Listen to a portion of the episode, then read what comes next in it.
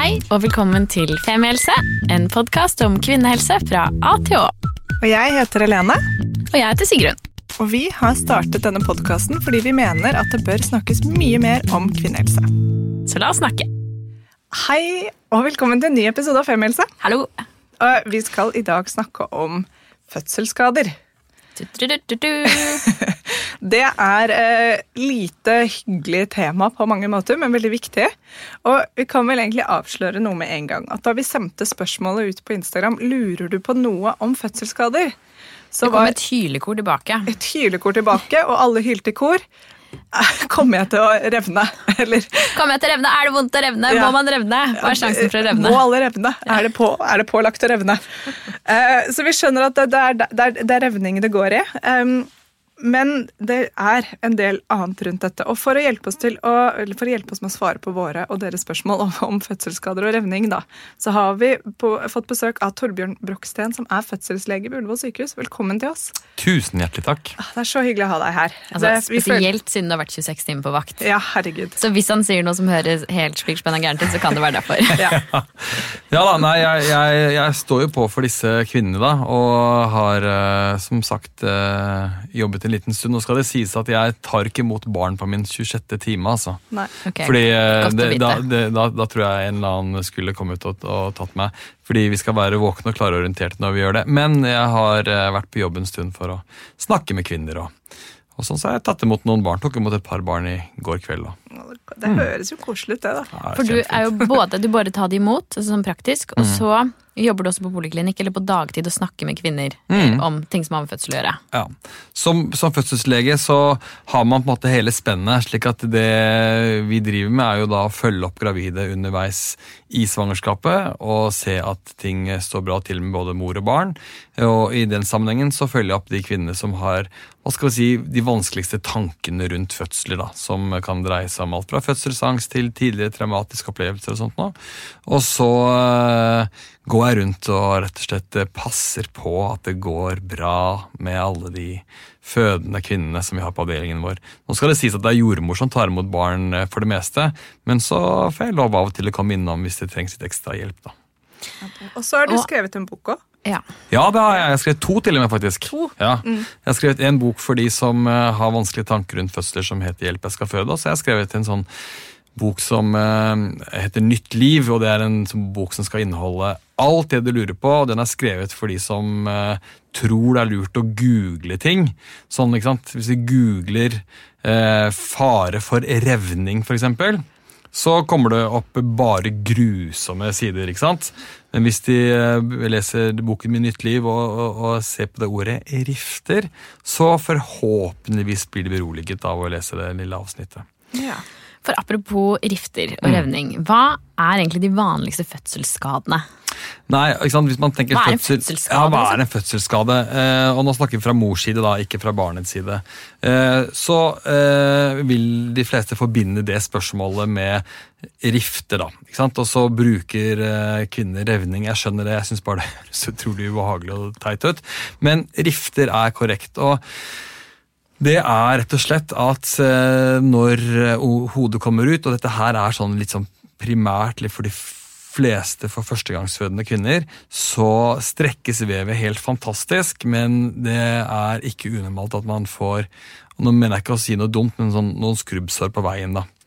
Og så graderer vi de riftene, slik at eh, de gradene som da innebærer enten det som kalles slimhinne og hudvev, eller en liten bit av muskelen, de er ikke noe farlig å sys fint og blir helt uproblematisk. Og så er det noen eksepsjonelt få rifter, og derfor skal vi snakke om det her som en sånn positiv episode. Vi skal si hvor utrolig bra det går. I Norge eh, kan få rift ned til lukkemuskelen. I rumpa? Ja. Og det er de riftene som, eh, hva skal vi si, eh, eh, kvinner ikke bør være redd for, men, men tenker en del på, og som eh, jeg med en gang kan bare avsløre at eh, vi i Norge er nå i ferd med å bli verdens beste nasjon å føde for riftene. Og da snakker vi om det som Sigrid Bonde Tusvik fikk, ikke sant? Yes. Er det det som kalles ruptus 2? Det kalles en Har du gjort research research, Helene? Nei, men vet dere, jeg Eh, jobbet eh, i barnimagen.com som community manager da jeg var 19, og da var den store frykten for alle kvinnene på forumet der Ruptus 2. Ja, jeg, jeg, jeg, du husker nok sånn, sånn delvis riktig og feil. Det heter, eh, det heter en grad 3-rift. Eh, eller ruptur, da. Grad tre eh, eller fire ruptur. Og Sigrid Bonde Tusvik har eh, absolutt hva skal vi si, både fått en sånn rift og vært flink til å snakke rundt det. Men også hvis man liksom går litt videre med det hun har snakket om, vært flink til å snakke om måten vi i Norge også da er i ferd med å bli verdensledende. Så vi, vi jeg må bare starte med å si det her, for vi, vi, eh, vi lå omtrent like Eller vi lå ganske bra an i Norge for en eh, sånn ti år tilbake. Men vi lå liksom fem ganger dårligere an enn Finland. Og så ble det sånn Nei, det, det er jo utrolig rart, da. Altså, det er jo nabolandet vårt, ikke sant. Og så eh, var det en kollega av meg som nå i og for seg er sjefen min, men hun kom til Norge fra å jobbe til Finland og begynte å jobbe i Fredrikstad og var sånn Hva skjer her, da? Her er det jo liksom ganske mange sånne rifter. Hun sydde i en sånn rift per vakt, følte hun. Var liksom, det her er jo helt crazy. Og så begynte man å gå litt inn i dette, og så ble det et sånt ganske stort landsomfattende prosjekt. Og, og, og så fant vi ganske fort ut at det er rett og slett en del sånn teknikker, bruk av liksom hender og, osv. som gjør at vi kan hindre rifter. Og nå er vi eh, altså Mitt sykehus, da, Ullevål, er jo best i verden. Er det Det her, er helt sinnssykt. Wow! Forbi Er Finland! er det her finlandsgrepet kommer inn? Yes! Og jeg har eh, det er, det Si hva det er, da. Ja, det kan jeg godt si. Eh, eh, nå er dette her lyd og ikke bilde, men nå holder jeg det opp foran dere, da. Eh, og eh, når jeg underviser dette her annet for ambulansesjåfører, så pleier jeg å lage en, en, en, en sånn Ok, nå blir det tatt bilde av lagt til Eh, og det er at man, man, man skal støtte. Og så er dette her bare en liten sannhet. Det man faktisk gjør, er at man legger hånden rundt det som heter mellomkjøttet og det som heter da nedre del av vulva. Så støtter man, og så prøver man å løfte nese og hake og alt ut fra den delen hvor riften kan skje. Det er litt komplisert og vanskelig å forklare. Hvis jeg skal si noe som er enda viktigere enn det eh, grepet dere kan finne på Instagram, så er det bremsing av fart som er helt vesentlig. Sammenlignbart fra tidligere så sto jordmødre litt mer med hendene på ryggen og heiet, og litt mindre inn i, det, i, i området. Å bremse fart er det aller viktigste, og den enkleste måten å skjønne hvorfor man kan hindre rifter under fødsel, det er hvis alle dere lyttere nå tar for, for dere en, en liten plastikkpose. Og så kan dere gjøre følgende. Dere kan dra den plasten sånn, ja. Litt sånn langsomt. Tenk eh, en eller annen sånn type søppelpose. Når disse altfor stive, det går det ikke med. Men de som er litt sånn det, lang- Kiwi, da. La oss ta Kiwi. Ja. Så får man virkelig strukket det, så er det helt fantastisk hvordan vevet strekker seg. Altså, jeg, jeg, jeg har jobbet med det i 15 år, men jeg står bare sånn Wow, så fantastisk flott, liksom. Og så er det når man gjør det langsomt. Men ta den samme posen og riv fort. Så får du en rift med en gang. Så det å bremse farten er liksom det nøkkel, nøkkelen for å hindre dette. Så til alle de som er der ute og som blir plutselig fødselshjelpere til kona si eh, når hun føder sitt fjerde barn og hun får presserier i bilen, brems farten for å hindre. Når vi i tillegg legger på dette finsegrepet som dere nå ser på Instagram på bildet, så eh, har vi da sunket riftfrekvensen vår med, sant, fra sånn steady state rundt mellom 3 og 5 til å ligge nå på under 1% eller rundt 1% Og det er jo helt fantastiske nyheter. Det er under 1% som rifter? Ja, og nå snakker vi om disse riftene som går til Å Oh, ja, ok. Ja. Det er de som på en måte, hva skal vi si, det er de som er, er liksom, hva skal vi si, det som er angstfylt, da. Eh, Og så skjønner jeg at mange her ute sier ja, ja, men ok, det er liten prosent, men hva med de andre, da? Så skal jeg ikke bagatellisere de andre riftene, men de er egentlig litt å bagatellisere. Jo da, det kan bli litt smerte etterkant, og det kan bli litt sying og sånt nå. Eh, folkens, hvis dere har fått en sånn rift og tror at den har blitt forferdelig ødelagt i underlivet fordi dere har sittet og blitt sydd i 20 minutter, eller et eller annet sånt, etter seks uker, ta et speil og titt. Det blir så bra. Så disse riftene som på en måte ikke involverer lukkemuskelen, men som i gåsehudene bare er en naturlig rift, de, eh, de eh, sys og blir utrolig fint, og vevet legges veldig bra til rette. Og dere er superheldige med at dere har vanvittig god blodtilførsel i den området av kroppen, så her gror det som bare det. Og Wow. av de jeg har snakket med som har riftet, så sier de, de for det første de kjenner det ikke når det pågår. Nei, Fordi du har så jævlig vondt i utgangspunktet. eh, håper ikke det er noen som blir Så veldig sitter dere og prøver å rive av dere selv fingeren sakte. Da kjenner dere at Men hvis dere gjør det mens dere føder, så Nei, men Og etterpå, så under selve syingen, at eh, Ja. Når man syr, så får man bedøvelse, altså. Så det, det, det, det får du jo. Og så har du rett i at selve riften eh, er det få som merker. Eh, og så er det av og til vi legger et klipp, da, bare for å ha med det også. Det er jo kontrollert, og det, det gjør vi enten fordi vi tror, og det ser ut som at her kommer det til å bli en rift, så vil det være en tryggere eh, del å avlede der liksom hvor det sprenger mot eh, langt unna lukkemuskelen. Eh, men, eh, men det legges alltid bedøvelse på det. Eh, men selve riften gjør ikke spesielt vondt, og så blir det bedøvd når man, eh, når man syr. Ok. Da er rift det er én fødselsskade. Ja. Og revning. Eh, jeg kan bare si en ting til Ja. om disse jeg, jeg, jeg vil ikke liksom få kvinner som til å tenke at han bare snakket som, som bagatellmessig. Jeg skjønner det er plagsomt, men det gror fint. Og så har jeg gått og sett litt på noen studier på kan, er det noe som kan hindre sånne type rifter. Jo da, jeg har snakket om det akkurat nå, at vi kan hindre det. Altså vi kan hindre det med å bremse farten og med å støtte med dette finske grepet, som for øvrig internasjonalt nå er i ferd med å bli kalt the Norwegian way. sånn. Vi tar over. Grattis. Ja da, eh, men det, dette her med å smøre underlivet har jeg vært interessert i. For jeg lurer Ja, på for liksom... det var oppfølgingsspørsmålet mitt. Tøying og smøring. Ja, og så har jeg, jeg, har jeg i ganske mange år vært litt sånn Nei, det er bare humbug, ass. Men det er noen få studier som viser at eh, smøring og tøying hindrer disse små riftene. Altså de ikke lukkemuskelriftene, men de andre riftene. Ja. Og hva er er det du smører og tøyer med da? Ja, tøye gjør du med dine egne hender, opp å si. Ja. Og, Inn mot mellomkjøttet, da. Ja, Vi kaller det perineum på fint, men mellomkjøtt er helt ok. Jeg synes ikke det er sånn Mellomkjøtt er et ekkelt ord. Ja, ja, jeg, jeg, jeg, jeg, er ikke så glad i det. Ass. Det er samme som at eh, Perineum er bedre. Ja, perineum er litt sånn bedre. Det er ikke for å liksom eh, Men det er samme som sånn skambenet har jeg bare fjernet fra bøkene mine. Det, Ja, det er heter kjønnsbenet. Det er ikke noe skam her. Men tilbake til den delen, så er det eh, Vet du hva, gå på et eller annet eh, apotek eller sted og finne noen type sånn jordnøttolje eller noe greier, og så smør. Sitt på ball er bare tull. Utvidelse funker ikke. Det kan dere få lov til å slippe. Tennisball, liksom. Ja, det er noen kvinner som sitter på noen baller og skal utvide sånt nå. Ikke, ikke, ikke tenk på det. Men, eh, men eh, smøring under livet masse. Hvis dere orker. Hvis det blir pes, så for guds skyld slutt. Ja, ikke sant. sant. Så eh, viktig er det ikke å gjøre det. Nei. Hadde du noe, Sigg? Ikke, ja. ikke noe tillegging, nei. Nei. Nei, Også, Men så er det noen som da, i etterkant, når man har da eh, måttet sy litt, så fikk inn et spørsmål på en som sa eh, er det sånn at, Hvordan er det å ha disse stingene, og kan de liksom gå opp? Må man følge opp dette? Hva er normalt og ikke i etterkant? Alt som, alt som brukes av suturmateriale eller symateriale, er avanserte sukkermolekyler.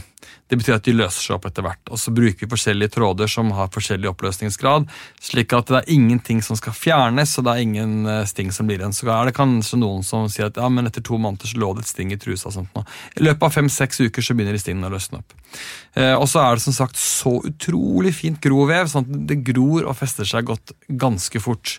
Eh, og etter seks uker, uker så vil man liksom kunne se at dette her blir jo bra. Og etter et års tid så må du være gynekolog med fem centimeters avstand for å kunne se at du har sydd og klippet og riftet. Slik at det, det blir helt superfint. Eh, og når det er sagt, da, så er det jo sikkert noen der ute som sier mm, det gjaldt ikke meg. Det gikk opp et sting eller sånt noe. Man syr ting i flere lag, slik at når man går ut opp et sting, så er det et sting i hudlaget. Det lukker seg, og forskjellen med det og hvis ikke det hadde gått av et sting, er kanskje en tynn strek som et arr, eller en millimeter som et arr, eller to millimeter som et arr. Så det, det vil estetisk sett være litt annerledes, men ikke veldig tydelig. Eh, Og funksjonen vil være helt lik. Infeksjon i eh, sånne arr er veldig sjelden. Så er det nok noen der ute, og dette har jeg snakket om i veldig mange år Hvis det er noen der ute som tenkte at vet du hva, det ble ikke bra Altså, eh, seksualfunksjonen er dårligere, jeg føler ting ikke ser bra ut, jeg er skjems eller det er skeivt, eller sånt noe, så tenker jeg at da er det mulighet for å reklamere. Ja. Da, Ja. ja. Jo, men men altså, i min, på min avdeling så har vi, og alle gynekologiske avdelinger i landet har eh, leger som driver med, med plastisk kirurgi i den form. Altså ikke sånn ikke noe grusomhet som å fjerne noe som man ikke skal ha, men altså rett og slett rett av fødselsskader gjøres. Eh, og da er det to grunner for det. Hovedgrunnen er at funksjonaliteten er dårlig. altså Det er vanskelig med sex, og det er vondt og det er sånt noe. Eh, For øvrig må man vente med den tanken der til man er ferdig med å amme og til liksom, ting har roet seg helt ned. Eller så, eller så kan det være at uh, man syns det ikke ser bra ut. Nå er det jo kvinner som tror det ikke ser bra ut. Uh, og Hvis de bare tror, så ta en titt, fordi de aller fleste ser bra ut. Ja, ikke sant? Hm. Det, er, det, når, så, er det noen andre fødselsskader man kan få? Ja, eh, det, eh, det er det. Og eh, vi har hatt i en annen episode så har vi snakket litt om dette her med fødselsangst og sånt nå, og eh, det ligger mitt eh, hjerte nært. Eh, og vi vet jo at så mye som en tredjedel av alle som føder, har en traumatisk opplevelse av fødselen sin. Og, og rundt ja, 3-6-5 har kanskje til og med en sånn posttraumatisk opplevelse av det. Og det vil jo jeg kalle en sånn fødselsskade. Nå er jo ikke det en, liksom en, det er jo hva skal vi si, en sjelelig skade eller en psykisk skade. Og det, det tar jeg på sånn kjempealvor og tenker at det må man også snakke om og ta opp. Eh, slik at det, det er noe. Og så er det jo eh, en del kvinner som ender opp med et keisersnitt. 17% av alle som føder i Norge, har et keisersnitt. Hastekeisersnitt, eller? Nei, eh, det er det, rundt Av, av keisersnittene så vil to tredjedeler være hastekeisersnitt, faktisk. Men det er de som er førstegangsfødende kvinner som går inn med egne spontane rier og er til termin og er eh, klar med hodet lei og alt mulig sånn, så vil rundt ja, 8 til ja, mellom 6 og 9 varierende fra sykehus til sykehus innom et hastekeisersnitt. Men av, av de som har keisersnitt, så er det jo klart at det kan også medføre eh, komplikasjoner. Det skal jo sies at eh, eh, keisersnitt har jo en større risikoprofil. Med andre ord, det blir mer komplikasjoner, og hva er det da? Jo, infeksjoner, blødninger, smerter osv. Slik at det er jo også hva skal vi si, en type fødselsskade, hvis man skal liksom utvide det begrepet, da. Er inkontinens en fødselsskade? Nei. Eh, og eh, det er dessverre slik at eh, jeg syns jo alt med kvinnen er fantastisk, men dere er litt uflaks med liksom urinrøret deres. Ja, det er det ligger litt sånn Altså, vi har eh, alt ettersom vi menn, da. eh, et litt annet type urinrør som har en litt annen lengde og en annen sånn profil med lukkemuskler her og der og sånt. Mens dere har en sånn klein vinkel. Slik at den vinkelen blir jo veldig annerledes når man er gravid for øvrig. Slik at hvis dere går rundt og lekker når dere er gravide litt, så er det helt normalt for øvrig, og ikke noe fødsels- eller graviditetsskade. Men etter dere har født, så er det jo ikke uvanlig at den lekkasjen kan øke. Så, sånn at, men det er nødvendigvis ikke slik at f.eks. et keisersnitt hindrer det. Slik at Det er ikke det at barnet har gått gjennom fødselskanalen som gjør at du får mer lekkasje.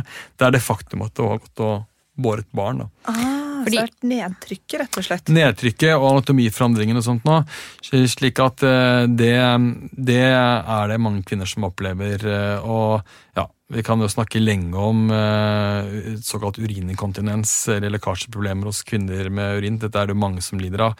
Men den biten som kalles for stressinkontinens, eller sånn kan ikke gå på treningssenteret mer, eller løper ikke til bussen, for da går det i hvert fall gærent, eller prøver ikke å le, fordi at da blir jeg sånn, sånne ting. Det er eh, da vanligvis da en sånn liten anatomisk forandring, hvor det blir dårligere lukke, lukketrykk. For øvrig noe som kan fikses ganske lett kirurgisk. Og så, hvor kommer Nå bare hopper jeg, liksom, for nå kommer tanker inn her, men hvor kommer da knipeøvelser inn i alt dette? Jo, jo, eh, knipeøvelser er viktig og bra, og knipeøvelser kan eh, hjelpe veldig mange som har si, lett sånn inkontinens. Og, eh, så absolutt, så hvis man sliter med å ikke klare å holde på vannlating, eller hvis man sliter med å ikke klare å holde på luft, og sånt noe, så gå og gjør knipeøvelser. Og da vil jeg anbefale ikke gjøre det via YouTube, men gjør det via en fysioterapeut hvis det virkelig plager deg. Så ordentlige knipeøvelser, eller bekkenbunnstrening, da, som heter på fint. Det må gjøres med en profesjonell PT, og det er en fysioterapeut. Ja. Jeg føler jo at vi må lage en egen episode om graviditetsskader. Fordi det blir jo et skille her mellom fødselsskader. Fordi jeg får jo veldig lyst til å snakke om sånn delte magemuskler og ikke sant, lekking etter fødsel og ting og tang. Men um, det er jo kanskje en helt egen episode. Ja, tydeligvis. Når ikke inkontinens er en fødselsskade, slik jeg har vokst opp til å tro, så er det det. Da Ja, synes jeg vi skal lage Vi kan gjerne gjøre det. Ja, gjerne på det. Men um, ja, ikke sant, da har vi da har vi snakket om rifting, og vi har snakket om eventuelt liksom psykiske ting og keisersnitt. Er det de vanligste fødselsskadene? Ja, sånn å si on the top of my head, så er det nok, eh, er nok det de vanligste. Og så kan vi også lage en egen episode en annen gang om eh, fødselsdepresjon, da, ikke sant? For den der psykiske biten og hvordan det hele påvirker, og det er jo også enda litt mer sånn komplekst, da. Men det ligger også innenfor det jeg tenker eh, er viktig i forhold til å ivareta eh, helheten til kvinnens helse rundt graviditet og fødsel. Der er faktisk den gode nyheten at det spilte vi inn i forgårs. Ja, så bra. Eh, Med Landsforeningen 1001 dager, som er Landsforeningen for fødselsdepresjon, og eh, psykolog som er knyttet til dem. Så du som hører på nå, sjekk biblioteket om det er noe du kunne tenke deg å lytte så er det den der, eller så kommer den. Ja, en av to. Mm, og så har det kommet inn et spørsmål her fra en dame som stiller spørsmålet hvor vanlig er det med komplikasjoner uansett grad under fødsel, og er det mor eller barn som oftest får problemer? Eh, barna eh, får veldig sjeldne problemer. Eh, vi har heldigvis ekstremt bra tall på spreke og friske barn. Og, og, men hvor vanlig er det å få rifter? Vel, man må skille mellom første- og andregangsfødende kvinner. Da. Det er dessverre slik at det er førstegangsfødende kvinner som ofte må gå gjennom de litt vanskelige tingene som rifter osv. Og, så og da har vi allerede snakket om dette her med grad 3 eller 4 rifter, som er da lukkemuskel, og da eh, er det sånn i snitt rundt 1 hos oss, og så er landsgjennomsnittet litt høyere, men det er under 2 Eh, Og de andre riftene så ja, Nå har jeg ikke noe sånn tall med en gang, men, men, eh, men ut fra å få en sånn grad 2-rift, eh, som er da hvor det involverer hva skal si, muskel, muskler i området, så er det vel 10-15% og så er det de fleste må sy et par sting. Så det er liksom graden av fødselsrift i forhold til alvorlighetsgrad. De mindre alvorlige er ganske vanlige. Altså sånn to-tre sting. Men de veldig alvorlige er veldig uvanlige. Og så vil det på en måte være føles, hva skal vi si, dumt for de fleste å få noe i det hele tatt, men jeg tenker sånn så at eh, litt kommer det nok til å bli. Og det er jo ganske naturlig med å tenke på Ja. at man presser ut et barn av Det eh, knøttlille hullet. det knøttlille hullet som er god på å strekke seg. Og Ja, det er så fantastisk hvordan det strekker seg. det er veldig imponerende. Um, men så er det de altså Det er jo åpenbart mange av dere som hører på, som er bekymret for dette med liksom, fødselsskader og ikke minst revning. Og så er det jo en som sier her at uh, hun er så redd for slike skader at hun klarer ikke å tenke rasjonelt. Har du noen råd? Ja, og da kan det jo hende at eh, denne eh, angst, eller denne redselen for fødselsskader er i ferd med å gå over i en type angst. En sånn fobisk redsel for fødsel. Og da er mitt råd, eh, som jeg alltid sier, er liksom snakk skikkelig dypt inngående om jordmoren din. Eh, og av og til så kan hende, kanskje hun hører på så da tenker hun oi, nå fikk jeg høre at det går jo så bra med disse fødslene i Norge, så jeg trenger ikke å være redd mer. Er ikke sikkert det går så lett for henne. Kanskje hun trenger å snakke med jordmoren sin, og kanskje hun trenger også å snakke litt mer med, med, med sykehuset hvor hun skal føde. Eh, Det er nok det beste, og det er på en måte informasjonsbiten. Men så er man jo forskjellig her i verden. Ikke sant? Fordi For noen er jo på en måte hva skal vi si, glasset halvfullt, til tross for at det bare er eh, 1-2 sjanse for å få alvorlig rift. Så er liksom det gedigent prosenttall i deres eget hode. Og da er det noe med å bearbeide de eh, tingene. Det er veldig sjelden at kvinner er så redd for å få disse riftene at de faktisk ønsker seg et keisersnitt for å hindre det. Eh, Det skjer jo det også, men det er veldig veldig sjelden. Så jeg vil bare anbefale rett og slett å, å snakke ut om ting, fordi det er mye lettere å håndtere de vanskelige tankene når de har blitt lagt der ute og snakket høyt om. Keisersnitt er jo en gigarift, spør du meg. Ja, det er en stor rift i, eh, rift i magen, og, og hold fast ved det. De små eh, til mellomstore riftene sys, blir flott, gjør funksjonen helt normal, og barn nummer to og tre og fire og whatever, de ja, Nå skal ikke jeg være frekk og si de glir på en, som på, på en fjøl, men de, de, de glir ut på en helt annen måte. altså. Ja, man må bare øve litt først. Mm. Ja. Ja. Så bra. Har du flere spørsmål? Nei, jeg er uh, Ut ifra aldri født, så tenker jeg at nå har jeg i hvert fall fått stilt mitt behov. Så selv om dette er en liksom sånn, hva skal vi si, dyster episode, hvor man snakker om eh, rifter og skader, så håper jeg liksom at lytterne nå hører at eh, vi er i et land hvor dette her er svært sjelden.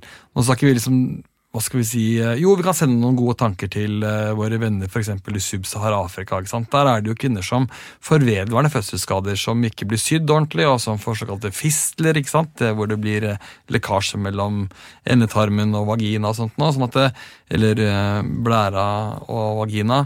ikke sant? Sånn at disse liksom, grusomme skadene de ser vi så godt som aldri. Eh, og, det er takket være rett og slett eh, hardt arbeid og eh, gode fødeforhold. Dritflinke folk, liksom. Ja, det er Det er lov å skryte av oss selv. Ja, men det er jo det. Og så tenker jeg sånn Det virker jo egentlig ikke som Nå kan noen som hører på det kanskje bli irriterte, men det virker jo ikke som sånn små rifter egentlig er så mye å være redd for. Fordi, ja Nei, jeg ville ikke vært det, for å være helt ærlig. Jeg, og, em, det, både fordi det ikke gjør særlig vondt å få de, og fordi de sys helt glimrende av mine kolleger, eh, og at de ikke gir vedvarende skader i det hele tatt. Tro på det, da, folkens. Tro på det. Tro Ja, på det. Og det at dere. eh, det er full respekt for at de ukene etter fødsel er liksom heftig. Du er mørbanka, du har vært gjennom et maraton av en fødsel, og selvfølgelig er det ikke noe digg å gå rundt med sting i tissen. Det, er- det skjønner til og med vi som ikke har født i dette rommet. Men det er tydeligvis en del av det, og det går bra for Ja. de aller fleste. Og det er eh, kanskje det man må liksom ha eye on the price på det, da. At eh, da er babyen ute, og man er mørbanka fysisk og psykisk en stund etterpå, men så går det bra. Stole på det folk sier om at det blir bedre uke for uke. Ja. Det gjør det absolutt. Og ehm, eh, yes, det er litt vondt i, eh, vondt i starten, men, eh, men som du sier, det går seg veldig, veldig fort til. Så bra. Så bra. Tusen takk til alle som har sendt inn spørsmål. Ja, takk skal du dere ha. kanskje jeg burde oppsummere. Vil du prøve? Ja, greit. Eller skal jeg kan prøve? Nei, Skal jeg kan prøve. Ok, lykke til. um, ja, fødselsskader eh, kan jo beskrives som liksom komplikasjoner etter fødsel. Og så sier vi at uh, den vanligste er kanskje altså det dere som hører på kaller revning, som vi nå har lært at vi skal kalle for rifting. Og det kan være i flere grader. altså Grad 1 og 2 er snakk om på en måte veldig små rifter som kanskje ikke trenger å behandles, eller sys veldig lett.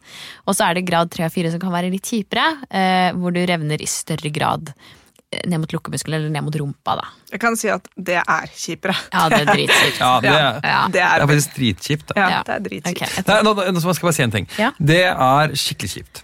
Og så er det slik at når det skjer, for det er ikke slik at det aldri skjer, når det skjer, så sys det av oss som kan sy det. Og hvis vi finner en sånn rift, så tar vi det på operasjonsstuen, bedøver, har bøttevis av operasjonslamper, har maksimalt utstyr, bruker eksepsjonelt lang tid på å finne den muskelfiberen mot den muskelfiberen, altså den mot den. Og når vi da har kommet til mål, så stiller jeg meg alltid litt sånn bak og så ser jeg på verket og så tenker jeg, fy fader, her blir bra. Så sier jeg det litt høyt også. Dette blir skikkelig bra. Fordi at de som får en sånn rift, de har eh, en viss sjanse for at de kan få lekkasjeproblemer, altså ikke holde på luftavføring. Men fordi vi er så gode på å sy det, så er sjansen veldig liten. Så selv om du nå er der og tenker shit, jeg fikk en sånn rift selv om det er kjempeliten sjanse, så er jeg heldigvis et helsevesen som er gode på å sy de, og derfor er sjansen liten for at de gir vedvarende skader. Vær så god, tilbake til deg. Og stikkommentar til det. Eh, har du hatt små eller store rifter, blitt sydd eller operert, og føler at ting ikke er bra? Selv om han som opererte deg, var sykt fornøyd med verket, gå tilbake og si sånn Halla, skal det være sånn her, for det føles ikke helt riktig. Ja, For det er lov å reklamere, ja jeg også synes det. selv om du ikke har betalt for det. Ja, når stormen har lagt seg litt, når liksom Ja. ammingen er ferdig, og Ja. du er liksom over på en måte, og kjent litt at nei, dette Ja, her er ikke det. underveis også, hvis du, altså, hvis du føler at ting virkelig ikke funker, da Ja, tenker jeg man skal si fra. Jo, det tenker jeg også, men bare for, det, bare for å liksom igjen si noe på det, så tenker jeg at hvis du tenker at du skal få to-tre barn, så lønner det seg å bare litt stå det ut og si at når jeg er ferdig med å føde, da skal vi liksom gjøre det smack Ordentlig. tilbake. Fordi at det, hvis du først har da hatt en rift, og så har du reoperert og gjort det liksom, hva skal vi si, korrigert ting tilbake, og så skal du føde igjen. Da blir det liksom ja. Okay. Så bare vent til stormen har lagt seg, som du sa. Ja, skjønner. Nå kommer jeg litt ut av det, men jeg prøver å fortsette. Og eh, det er sykt vanlig å revne. Og for de aller fleste så går det helt, helt bra. Mm. Og så er det jo også, selvfølgelig kan man få liksom en psykisk reaksjon på fødselen. Enten om du har hatt en kjempeheftig fødsel eller ikke, så kan det føles heftig etterpå. Man kan få det man kaller for en posttraumatisk reaksjon. Og får du det, så er det veldig fint å gå og snakke med noen. Og så er det jo litt det Den tredje, hva var det igjen? Var det en tredje? Var det ikke en tredje? Å oh, ja, keisersnitt. ja. keisersnitt. Nå sitter Torbjørn her og demonstrerer keisersnitt. keisersnitt. jeg er bare eksaminator nå, ikke sant? så nå skal jeg bare liksom prøve å veilede dere mot uh... Feila fullstendig på oppsummeringen. Ja, ja. Shit, Nei, det gjorde ikke det hele tatt. eh, Og jeg tenker at uh, keisersnittskomplikasjoner er også noe vi kan snakke om en annen gang, men, men, men det er Ja, Men får, heldigvis sjelden, det du har jo et sår, sånn at det er jo ikke så veldig rart at du kan kjenne litt på dette såret. Og har Mm. du uflaks, så kan du kjenne litt ekstra på det.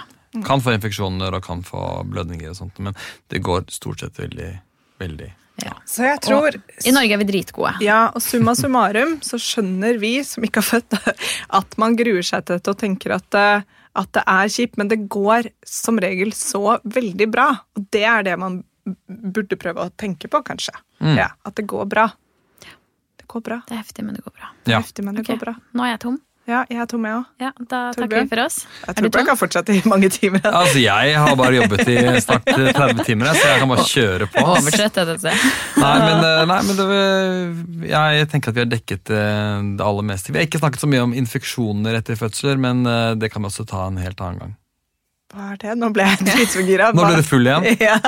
Nei, eh, det er jo også slik at eh, noen kvinner kan få infeksjon eh, i livmoren etter fødsel, og man kan få infeksjon i brystene etter fødsel osv. Også veldig sjelden, da. Men det er jo kan man regne som en komplikasjon. Da. Sånn, ja. Av fødsel, eller bare det å ha vært gravid da? Liksom? Nei, det er at man får rett og slett infeksjon i Hvis ikke ting kommer helt ut, da. Ja. I Ja. rester eller hinner eller blod i livmoren og sånt noe. Sånn. Men det er, er det mange det skjer med, da? Plutselig starter vi en helt ny Ja, podkast om det. Nei, det, det er også ganske sjelden, men, eh, men noen prosenter får, eh, får en såkalt barselsinfeksjon. Da. Så det skal man være litt obs på hvis man får høy feber og Ja. kjenner seg liksom Ja. ordentlig sjuk. Så skal man sjekke det opp. Ja.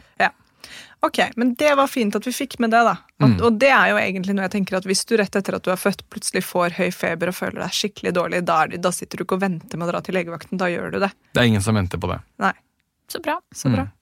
Så ok, så folkens, håper det var eh, en oppklarende eh, episode. Eh, send oss gjerne en melding hva du synes. Og vi har jo mulighet til å lage flere episoder på dette, vi. Så vi gjør gjerne det. Seff. Ja. Takk for at du hørte på. Tusen Takk til deg, Torbjørn. Takk selv. Ha det. Ha det. Tusen takk for at du hørte på podkasten vår. Selv om det forhåpentligvis kommer tydelig frem, så vil vi understreke at vi ikke er helsepersonell. Ja, så som vanlig, kontakt legen din om du har noen spørsmål, eller om du skal begynne på noen form for behandling. Og har du et tema som du har lyst til at vi skal snakke om, eller noe ris eller ros, så send oss gjerne en melding på Facebook eller på Instagram. Der finner du oss under Femihelse. Og du kan gjerne rate oss på iTunes, det er skikkelig hyggelig for oss. Ha en fin dag! Ha en kjempefin dag.